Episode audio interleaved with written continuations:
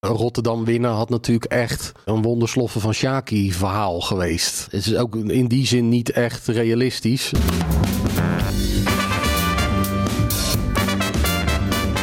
Hallo en leuk dat je luistert naar de NL Tennis Podcast. Aan u gepresenteerd door Marcella Mesker en mijn naam is Jamelin de Lange. Het is tijd voor podcast nummer 3 over het 50-jarig jubileum van de ABN AMRO Open. Dit jaar van 11 tot en met 19 februari in Rotterdam Ahoy. In deze aflevering gaan we behalve met onze hoofdgast ook in gesprek met een paar mensen achter de schermen. De voormalig meesterbespanner van Ahoy, Bob Jansen. Nou, die heeft een paar mooie anekdotes voor ons in petto. Borg, Connors, Girolitis en McEnroe komen allemaal voorbij. En we krijgen weer bezoek, jawel, van een heuse mystery guest. En pak ook vooral de prijsvraag mee om kaarten te winnen voor het finale weekend. Maar we beginnen met onze hoofdgast van deze aflevering. Ja, en dat is de finalist van het toernooi in 2003, Raymond Sluiter, ras Rotterdammer en natuurlijk publiekslieveling. Hij is onze hoofdgast en staat al te rammelen aan het hek. Maar voordat we hem binnenlaten, eerst jij Marcella, want vorige keer vertelde je over Goran Ivanisevic. En nu hebben we voor onze laatste aflevering een bijzonder fragment over een wel heel bijzonder moment bewaard. Laten we eerst even luisteren. We gaan terug naar 1984. Wij werden door de politie gewaarschuwd dat er een, om één uur een telefonische bommelding is binnengekomen in het uh, Ahoy Sportpaleis. In, het Engels aangekondigde melding dat uh, vlak op de baan een tas verborgen zou zijn met explosieven. En dat die exact om twee uur zou ontploffen. En dat we deze melding heel serieus zouden moeten nemen. Hier horen we Erik Savalle, de hoofdscheidsrechter van het ABN AMRO-toernooi... die dus vertelt over de bommelding vlak voor aanvang van de finale... tussen Ivan Lendl en Jimmy Connors, droomfinale. Nou ja, na die bommelding werden 7000 toeschouwers door de politie naar buiten gedirigeerd. Er werd naar de bom gezocht, die werd niet gevonden, want die bleek er helemaal niet te zijn. Maar het leed was al geleden. Lendl en Connors weigerden verder te spelen. Sterker nog, ze waren al op weg naar Zestienhoven om met een privéjet naar Londen te vliegen. Want Lendl had gezegd: Ja, wie zegt mij dat er geen bom meer is? Ze hadden wel met elkaar afgesproken het prijzengeld te verdelen. 75.000 dollar voor de winnaar, 25.000 voor de finalist. Dus 50 ieder, niet zo slecht. En achteraf bleek deze bommelder een aanhanger van de anticapitalistische beweging te zijn. Het incident ging de hele wereld over. En Wojtek Fibak, de coach van Ivan Lendl op dat moment, en een paar uur later ook de dubbelwinnaar van het toernooi, ja, die was vooral verbaasd dat zoiets in Nederland gebeurde. I remember one time we have we had a problem like this in, in Nigeria. So if you compare Holland with Nigeria, you would expect a little more from Holland. And it's, it's very unfortunate for this tournament because it has been a great tournament. It has uh, been sold out in the last few days and it was a great crowd today. And it, it, looked like a great uh, singles final and I was following with the doubles final so um, we were thinking of having a nice day and it didn't happen it's a bad luck and it's very unfortunate De 7000 toeschouwers hadden ieder 32 gulden 50 betaald. Een aantal bleef om nog naar de dubbelfinale te kijken die wel doorging, maar de meeste gingen meteen naar huis. Wat heb je aan die paniekstemmingen? Nee. Je hebt niets aan de paniekstemming, maar u loopt waarschijnlijk de finale mis. Ja, dat is jammer, maar Dacht u dat ze zei bleven spelen met een bommelding? Nee, tuurlijk niet. Ik kan al in die tennisbal zitten, weet jij veel. Nou, laten we hopen dat we dat nooit meer meemaken. Dan is het nu tijd voor onze hoofdgast. De vorige afleveringen werden onze hoofdgasten begeleid door de muzikale klanken van Afrojack en het Rotterdams Philharmonisch Orkest. En deze keer hebben we de fonkelnieuwe opkomstmuziek van Davina Michel klaarstaan voor de entree van Raymond Sluiter.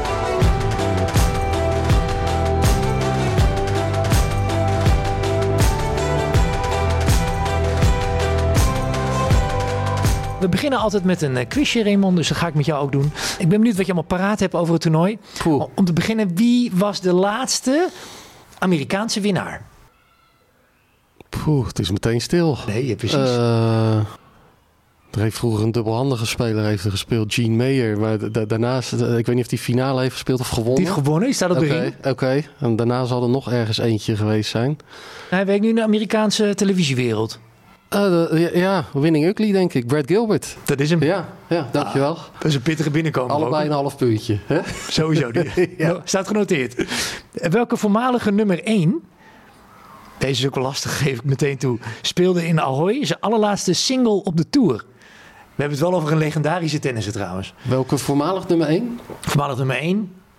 Meervoudig Grand Slam winnaar. Speelde zijn laatste wedstrijd op de Tour. Ja, en dit, dit is een heel goed bewaard geheim. Jimmy Connors misschien? Ja, wel die categorie. Oké. McEnroe. Oké. Ja? Ja? aardig gek. Ja, nee, ja, ja, had ik absoluut niet geweten. Ja, rotquiz, maar eh, we hebben ook even ons eh, huiswerk gedaan natuurlijk. Ja, terecht. Eh, welke Nederlander zei ooit dit toernooi, de ABN AMRO toernooi, de ABN AMRO Open tegenwoordig, staat voor mij op gelijke hoogte met de Grand Slams. Ik denk dat ik dat vroeger geweest ben. Ja, Ja? ja. Stond het zo hoog bij jou? Of, of zei je ja dit... zo, eh, hoog, zo hoog stond het. Ja. Ik denk uiteindelijk natuurlijk met het mes op mijn keel... als je me had gevraagd van eh, Wimbledon of eh, Rotterdam... dan had ik toch voor Wimbledon gekozen. Eh, maar eh, eh, die week stond net zo dik omcirkeld als de, als de Grand Slam weken. En misschien wel, misschien wel dikker nog. Ja, gewoon qua gevoel. Dat komt als eerste op. Iedereen zal natuurlijk denken aan, aan die finale plek. Maar misschien heb jij wel bijvoorbeeld die wedstrijd tegen Ferrero vooral heel hoog staan. Ja, nou ja, het, het jaar daarvoor dat, dat, dat ik de finale speelde, eh, wat was dat, 2003 geloof ik. Ja. Toen eh, moest Ferrero opgeven na drie games. Volgens mij was het 2-1 voor hem. Ik weet niet eens of het al met een break was. Eh, ik weet in ieder geval... Ik was zeker niet te betere op- op de baan. Ik had echt zoiets van poeh. Ik had voor die wedstrijd zoiets van... Ik had een keer van hem gewonnen in de Davis Cup. Dat was een iets snellere baan. Dat lag mij wel meer.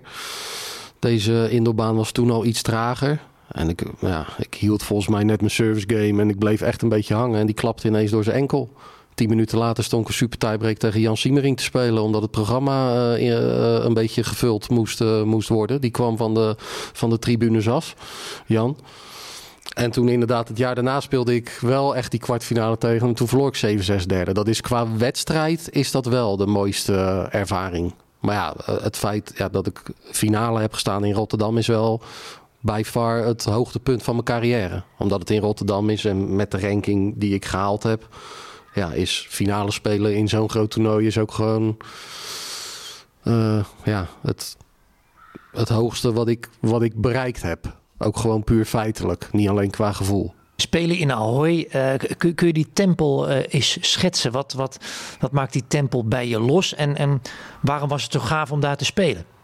Nou ja, ik ben daar ballenjongen geweest. Weet je wel, ja, ik heb mijn hele leven getennist. En ik kan me geen leven zonder tennis voorstellen. Ja, ik heb daar jaren gelopen als ballenjongen. En dan eh, hoopte je dat je de laatste wedstrijd mocht. En dan eh, werd dat laat en dat was spannend. En dan probeerde je misschien eh, de, het zweetbandje van Pat Cash te bemachtigen. Het hoofdbandje, die zwart-wit geblokte. Dus ja, daar, daar, daar lag voor mij zoveel. Weet je wel, dat was eigenlijk. nou ja, het is hier redelijk vlakbij. Maar dat, dat was eigenlijk de weg, de weg naar de top. En ik, ja, misschien was ik te realistisch altijd. En ook gewoon in die zin niet goed genoeg. Dat ik, ik, ik heb nooit de droom gehad om Rotterdam te winnen.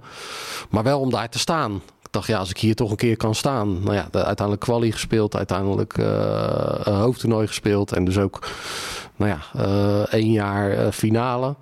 Ja, dat is, dat is voor mij wel gewoon heel speciaal. tiebreaker waarin Mirny voor staat met 3-1. De eerste mini-break was versluiten met een hele goede return. En vervolgens hebben we een moment gezien dat Sluiter ook zelf service volley speelde.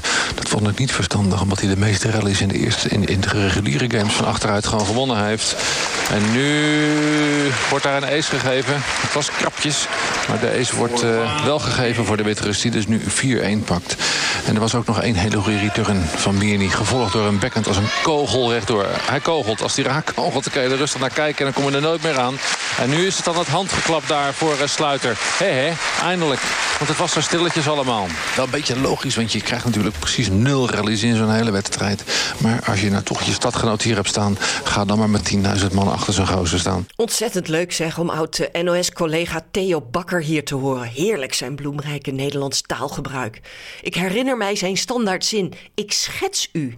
En dan kwam zijn analyse over de partij of over de speler... waarbij hij zich geen blad voor de mond nam. Jammer dat hij weg is, maar eh, Theo geniet nu heerlijk van zijn pensioen... in het oosten van het land.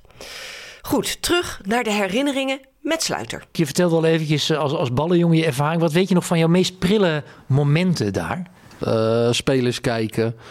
ik was wel heel erg taakbewust. Dus hè, als, ik er, als ik er stond, moest ik het ook vooral moest ik het, moest ik het goed doen.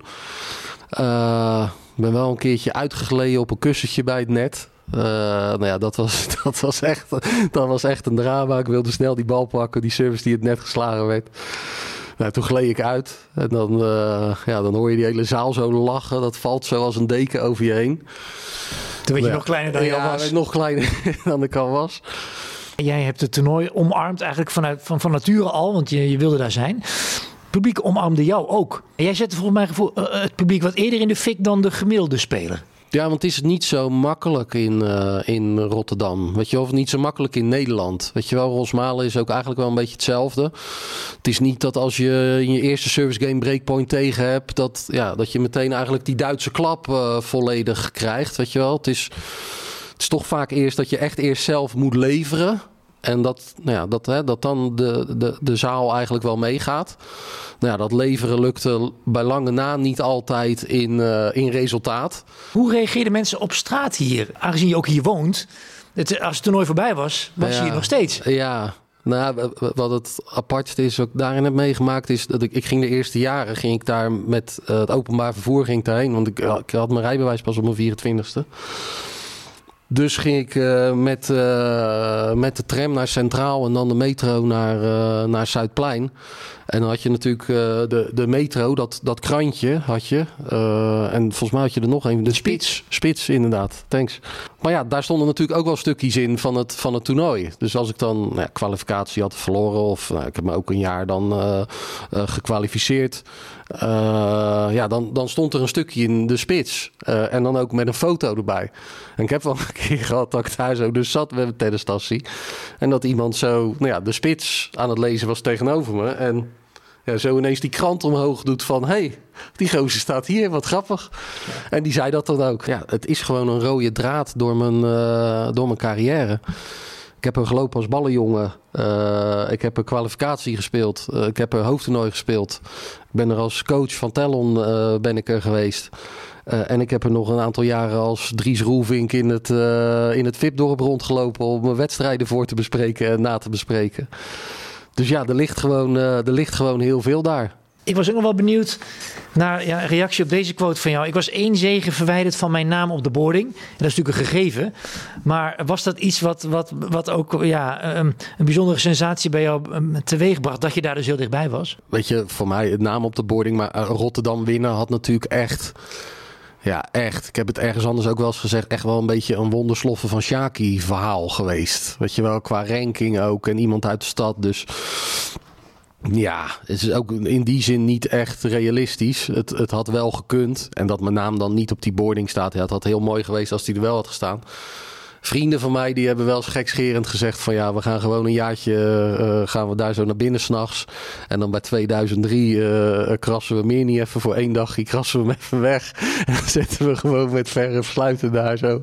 Nou ja, dat vond ik wel een grappig idee. Aan de andere kant, die had gewoon moeten winnen om, om op die boarding te staan. En anders heb je er gewoon niks te zoeken. Tot slot toch nog eentje. we moeten al even wachten op een nieuwe Nederlandse winnaar. Ja. Er is een soort van nieuwe lente aangebroken, als, ja. ik, als ik de verhalen mag geloven. Ja. Zie jij in de nabije toekomst Nederlandse winnaar op die boarding staan? Een nieuwe? Weet je, toernooi is altijd echt mega sterk. Je zit vaak met vier top 10 spelers. En dan zal er misschien eentje afzeggen die Australië gewonnen heeft of zo. En, en even iets meer rust pakt. Maar dan nog is het bizar sterk. Dat zeggende, weet je, uh, ja, Tim van Rijthoven wint Rosmalen. Botik uh, heeft al van behoorlijk wat top 10 spelers gewonnen. En heeft een kwartfinale US Open staan. Ja, uh, won in de Davis Cup van, uh, van Norrie, van, van Frits en van Boeblik. Ja, dat kan ook prima je tweede ronde, kwartfinale en halve finale in, in, in Ahoy zijn. Uh, Tellon wint een ATP-toernooi in Pune. Dat is dan iets minder sterk dan Rotterdam. Maar ja, weet je, heeft ook die aansluiting daarmee. Ja, ik hoop het alleen maar. Weet je, het is geweldig voor het toernooi als de Nederlanders het, uh, het goed doen. En, en geweldig voor het Nederlands tennis. En geweldig voor, uh, voor de jongens. Dus ja, fingers crossed dat dat, dat dat ergens in de komende jaren gaat, gaat gebeuren.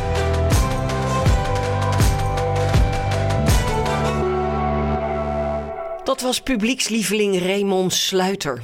Dan nu door naar de man die in Ahoy bijna vanaf het eerste uur de rackets verzorgde van de spelers. Hij is een dagje ouder, maar nog steeds heel fijn om naar te luisteren. De voormalig meesterbespanner van de ABN AMRO Open, Bob Jansen. Bob vertelt over de legendarische tennissers van wie die de rackets bespannen, te beginnen bij Björn Borg. Nou, het was echt uh, heftig hoor. Want ja, uh, Borg speelde toen de tijd, werd gezegd, met 30 kilo. Maar? Maar ja, het zal wel. Ik heb hem nog nooit bespannen, want dat ging allemaal heel... Uh, dat deed die uh, Bergelin, die deed dat allemaal. Die, uh, ja, die coach, die, die regelde dat allemaal. Er mocht niemand aan die records komen. En, het was zelfs zo dat hij, heb ik gehoord dan... dat in, in de slaapkamer van hem, s'nachts... Pang! Door de enorm veel kilo's knapte die snaar zomaar ineens spontaan. Tijdens het toernooi bespande Jansen dus de rackets van de spelers, maar hij had ook een hele goede band met ze. Vooral met rock en roll tennissers van weleer, zoals John McEnroe, maar ook Vitas Gerulaitis. Die uh, Gerulaitis, die, die was toen ook op dat toernooi. Hij had een krip, joh. Die, die, die, was groter dan zes. Een hele dikke krip had hij. En, en dan uh, deed hij er nog een, uh, een gaasje over, ja. een verbandgaas. Een soort, soort wit verband, ja. ja elke elke uh, rust tussen de games zat hij een nieuwe erom te doen. Ik ben wel, was wel een fan van hem. Vond hem goed tennissen. En uh, hij was uh, 100% rock'n'roll. hij zat altijd in, uh, met Mac meegenomen naar 54 in, in, New York. Toen was een Mac hier, geloof ik, 18 jaar of zo, weet ik veel. Nou, hij was wel wat ouder. Dus dat was een mannetje hoor. Hij speelde gitaar. en, en McEnroe ook natuurlijk. Ja, dat was... Dat waren echt uh, helemaal in spijkeren, jackie en de jeans. De lange haren. Die lange haar. Ah, dat waren echt uh, wereldgasten, man. Jimmy Connors. Ja, nou, dat, uh, daar, had, daar, had ik ook een verschrikkelijke goede band mee. Hij kwam dan laat trainen, de dag voor het toernooi begon. En hij was aan het trainen op, op het center court. Nou, we ook zijn racket bespannen. En dat, eh, die heb ik niet gedaan, want het is een klote record. Ja, stalen, stalen T-Bird, hè? Ja, joh, dat ging niet zo. Toen heb ik uh, mijn vriend Jan erop gezet. Ik zeg, hier heb je de beschrijving. Ik zeg, doe je best. Godverdomme. Bob Jansen had naast een bespanwerk voor het toernooi ook een eigen sportwinkel. Daar kwamen veel spelers om hun rekken te laten bespannen of zelfs een rekken te kopen. Zo ook een piepjonge Raymond Sluiter. Raymond, ja, schrijf uit, man. Dus, zal je vertellen. Die, uh, die, die tenniste toen de tijd bij Schieberoek. Was hij 12 jaar of zo. Maar ik kende hem niet. En dan komt die winkel binnen stappen. En hij zegt... Uh, ik wil twee van die Adidas records. Ik zeg, luister eens. is je moeder thuis? Ja. Wat is het nummer? Ik zeg, mevrouw Sluiter, ik zeg, ik heb hier een zoon volgens mij voor je binnen. Die komt even twee records kopen. En het kost toch gauw 200 bij elkaar. Ik zeg, is, is dat allemaal uh, wel in orde? Ja hoor, niks aan de hand. Nee, is goed. Ik zeg, uh, goed, uh, hij met die records onder zijn. Tot zover de markante en buitengewoon aardige Bob Jansen. En dan nu iets heel anders. Het is namelijk tijd voor de vaste rubriek van deze ABN AMRO Open Podcast namelijk onze mystery guest.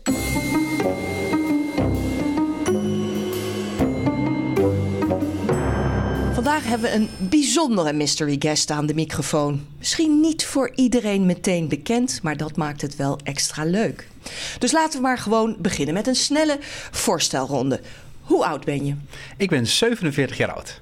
En waar woon je? Ik woon in Permanent. En je werkt in? Amsterdam. Wat is je hoogste ranking? Ik, heb geen, ik, heb geen, ranking. Oké, dan moeten we ergens anders je grootste wapen en feit zien te vinden. Oké, hoe sportief ben je? Heel sportief. Wat doe je? Ik doe uh, recreatief tennis, ik loop hard en ik ben in de sportschool te vinden. En een Ajax-fan heb ik begrepen. En een Ajax-fan in hart en nieren. Ja, die bent niet de enige, denk ik. Nee. En als je nou een tennisspeler zou zijn, een prof, in welke categorie zou je dan vallen? Ben je dan aanvaller? Of ben je verdediger? Ben je een beetje een pieler? Ben je een counterpuncher? Of ben je een echte vechtjas uh, à la Andy Murray? Ik denk dat ik wel een beetje een vechtjas ben. Met een uh, licht ontvlambaar uh, tenniskarakter. Oké. Okay. Maar temperamentvol? Temperamentvol, maar buiten de baan een gentleman. Dus zou een beetje buiten de baan misschien Federer zijn. En op de baan een meer een Murray, denk ik. Oké, dat moeten we dan toch nog eens een keer gaan testen. Want dit zegt natuurlijk iedereen. Ja, uh, gentleman als uh, Federer. Nou, je hebt het misschien al uh, bijna verklapt. want de kop is eraf. het zal misschien niet meteen bij iedereen een belletje doen rinkelen. Maar um, stel jezelf maar even voor, dan weten we wie je bent. Ja, ik ben zonder tennisranking Sander Bestevaar. En ik werk bij ABN AMRO Bank als hoofd Partnerships, Events en Foundation. En daarmee verantwoordelijk voor het ABN AMRO Open. Kijk, en hoe doe je dat al? Want wij kennen natuurlijk Ernst Boekhorst, die nu lekker in India zit naar het hockey te kijken. Zeker, en Ernst is mijn, uh, mijn grote professor. Die heeft uh, mij aangenomen. Ik doe dit nu inmiddels vijf jaar en ik werk al bijna ruim twintig jaar bij ABN AMRO Bank in verschillende functies. Dus ik ben geen onbekende in het vak, maar misschien wel wat onbekend naar de buitenwereld toe. Ja, maar nu dus, uh, nou ja, zeg maar hoofdsponsoring. Ja. Lijkt me toch wel een van de mooiste banen van Nederland als je sportliefhebber bent. Ja, dat is het sowieso. Het is prachtig, want je, je komt in contact met sport, kunst, cultuur en maatschappij. Uh, je mag eigenlijk uh, het verhaal van de bank vertellen, maar het is natuurlijk ook een vak. En daar hebben we het straks nog wel even over. Maar het is, uh, en dat is het mooie, je hebt het genieten van de sport. En je hebt je vakinhoud die je daarmee mee kunt combineren. Ja, beter wordt het niet. Nee. Sponsors, ja, die komen en gaan. Dat is jaar en dag al hetzelfde liedje. Maar nou is ABN AMRO 50 jaar lang partner van het toernooi. Dat is nogal wat langslopende sponsorship. Um, Waarom is dit nu zo'n kroonjuweel voor de bank? Ja, dit is, dit is uh, oprecht is dat echt wel een prestatie. En geeft het ook iets aan dat er een visie achter het toernooi zit. Dat de bank aanhoudend is. Het zegt ook iets over de band tussen Ahoy en ABN AMRO Bank, die heel, heel uh, hecht is. Um, ja, het is voor de bank op verschillende manieren belangrijk. Uh, het is belangrijk voor de zichtbaarheid van ons merk, want we zijn steeds minder zichtbaar in het straatbeeld. Waar zie je ABN AMRO nog? Tweede is dat we met het toernooi ook een verhaal willen vertellen. Nou, daar kan ik ook wat meer over vertellen. En het is natuurlijk de plek waar wij klanten ontmoeten en klanten elkaar ontmoeten. En dat doen we al jaren. Dus ik denk dat er al honderdduizenden klanten elkaar en de bank ontmoet hebben in al die jaren. En dat vertegent gewoon, gewoon een hele grote waarde uh, voor de bank. We weten ook dat mensen die bekend zijn met het toernooi ook enthousiast zijn over, meer enthousiast over de bank. En dat medewerkers ook heel trots zijn op dit toernooi. Dus dit toernooi, ja, dat tikt heel veel verschillende boxes vanuit het vakgebied, uh, sponsoring en marketing. Maar het is gewoon een heel belangrijk instrument. En ja. het, is het, het is gewoon een geweldig toernooi. Ja, want uh, hoeveel, hoeveel klanten maak je happy zo'n week die daar komen? Ja, dus, dus we hebben uh, 10 tot 15 seminars. We hebben ruim 15.000 relaties die we uitnodigen. Maar er zitten denk ik zo'n 15, 20, 30.000 relaties op de tribune. Uh, 2200 uur televisie. In 178 landen uitgezonden.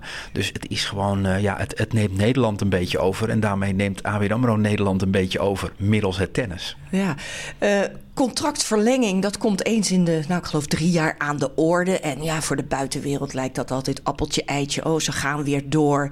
Um, want je kan ook zeggen op een gegeven moment... ja, iedereen blijft het toch wel het ABN AMRO-toernooi noemen... want dat is al van oudsher zo. Maar toch ga je door. Ja, en dat is... Uh, het klopt wat je zegt. En dat is niet elke keer een walk in the park... dat we zomaar even verlengen. Dat lijkt wel zo als je al 50 jaar verbonden zo, bent. Maar dat zijn echt wel serieuze gesprekken... waarin wij, ABN AMRO en Ahoy... en natuurlijk ook de toernooi... elkaar, elkaar goed in de ogen kijken... van moeten we dit nou nog doen? En willen onze klanten nog komen? Kunnen we het verhaal nog vertellen? Is er voldoende ruimte om te vernieuwen? En kunnen we het zo aantrekkelijk mogelijk houden? Want de grootste valkuil van een langlopend toernooi is dat er automatismes insluipen. En dat we niet meer ge- gebrand zijn om het allerbeste eruit te halen. Zodat een bezoeker elke keer weer denkt: jeetje. Ik moet volgend jaar weer komen. En dat gevoel moet je met elkaar hebben. En als je dat houdt, en dat hebben we al 50 jaar dus. En er zit elke keer vernieuwing in. Ja, dan blijf je top of the bill. En dat is denk ik de kracht van dit partnership. Kijk je uit naar het jubileum? Ik neem aan van wel. Ja, nee, het is, het is geweldig. Vorig jaar, vorig jaar hadden we 1250 bezoekers per sessie. Dat voelden we al als, een, uh, als winst. Maar het is nog steeds een vrij leeg Ja, want hoe ziet jouw week er dan uit? Nou, mijn week is best wel intensief. Dus ik geef presentaties bij het toernooi. Ik ontvang klanten.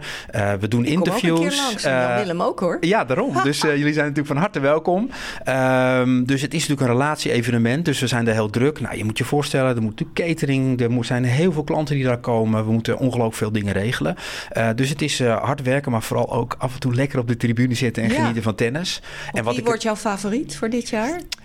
Ik zet toch pin op uh, Auger Aliassim. Dus die heeft vorig jaar zo'n geweldige reeks neergezet. Ja, zijn eerste en, uh, titel gewonnen. Deze titel en daarna nog twee toernooien gewonnen. Hij komt terug. Ik gun het hem ook. Nou, van harte gefeliciteerd met het jubileum. En Dankjewel. Heel veel plezier en succes. Gaat lukken.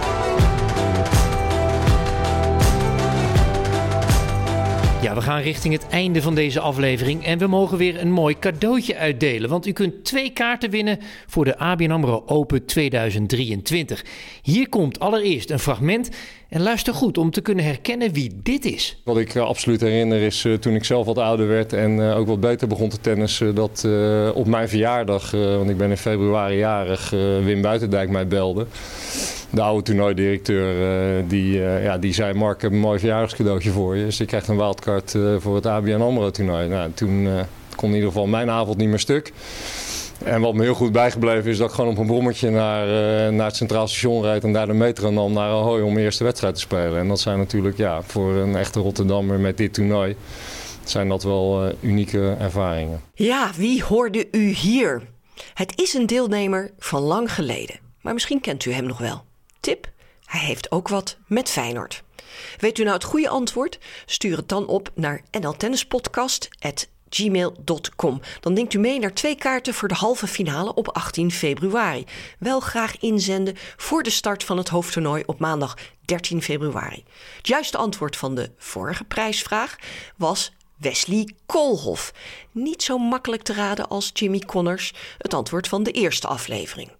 De winnaar, die Wesley Koolhof dus wel goed had geraden, is Erik Buisman. Wij zorgen dat de kaarten bij u terechtkomen. Van harte. En daarmee komen we aan het einde van deze podcast. Geheel in het teken van editie 50 van de ABN AMRO Open. En wil je nou nog meer opzuigen over het evenement? Dan een tip, want de toernooiwebsite is doorspekt met mooie feitjes... verzameld met hulp van archivaris en liefhebber puur sang Hans Schelling www.abnamro-open.nl. Daar moet u wezen. Binnenkort zijn we er weer en we zijn nog op zoek naar een mooie gast. Ideeën zijn altijd welkom en kunnen naar nltennispodcast.gmail.com. En wilt u automatisch een seintje krijgen dat er een nieuwe aflevering van ons klaar staat? Abonneert u zich dan op onze podcast via alle bekende podcastkanalen. En natuurlijk terugluisteren, dat kan altijd via onze website nltennispodcast.nl. Voor nu, bedankt voor het luisteren. Heel veel plezier met de ABN Open en tot de volgende keer.